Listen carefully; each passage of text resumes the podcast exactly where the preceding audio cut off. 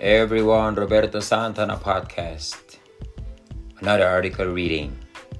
Hmm, title is Working from Home Might Halve Your Carbon Emissions. This will be interesting too.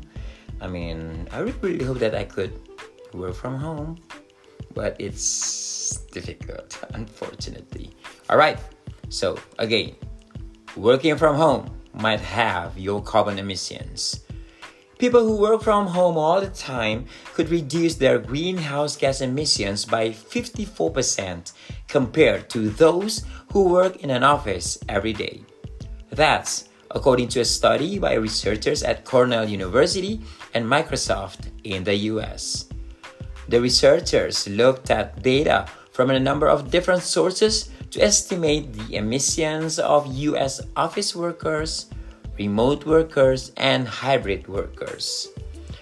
It was also found that working from home for two to four days per week could reduce a hybrid worker's emissions, means their carbon footprint, by between 11% and 29% compared to full time office workers. Reductions in emissions came from using less energy in the office and from not commuting.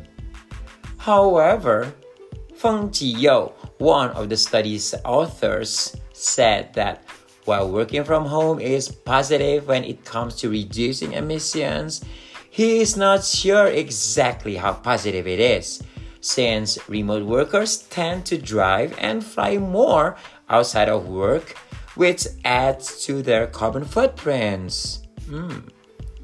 The researchers even found that working from home for just one day a week made almost no difference because people tend to do more non work travel on their day away from the office and they use just as much energy when working at home. And while many people have begun working from home since the start of the coronavirus pandemic, many companies still have the same buildings. Means um, yeah i mean meaning the energy savings are not yet as great as they could be.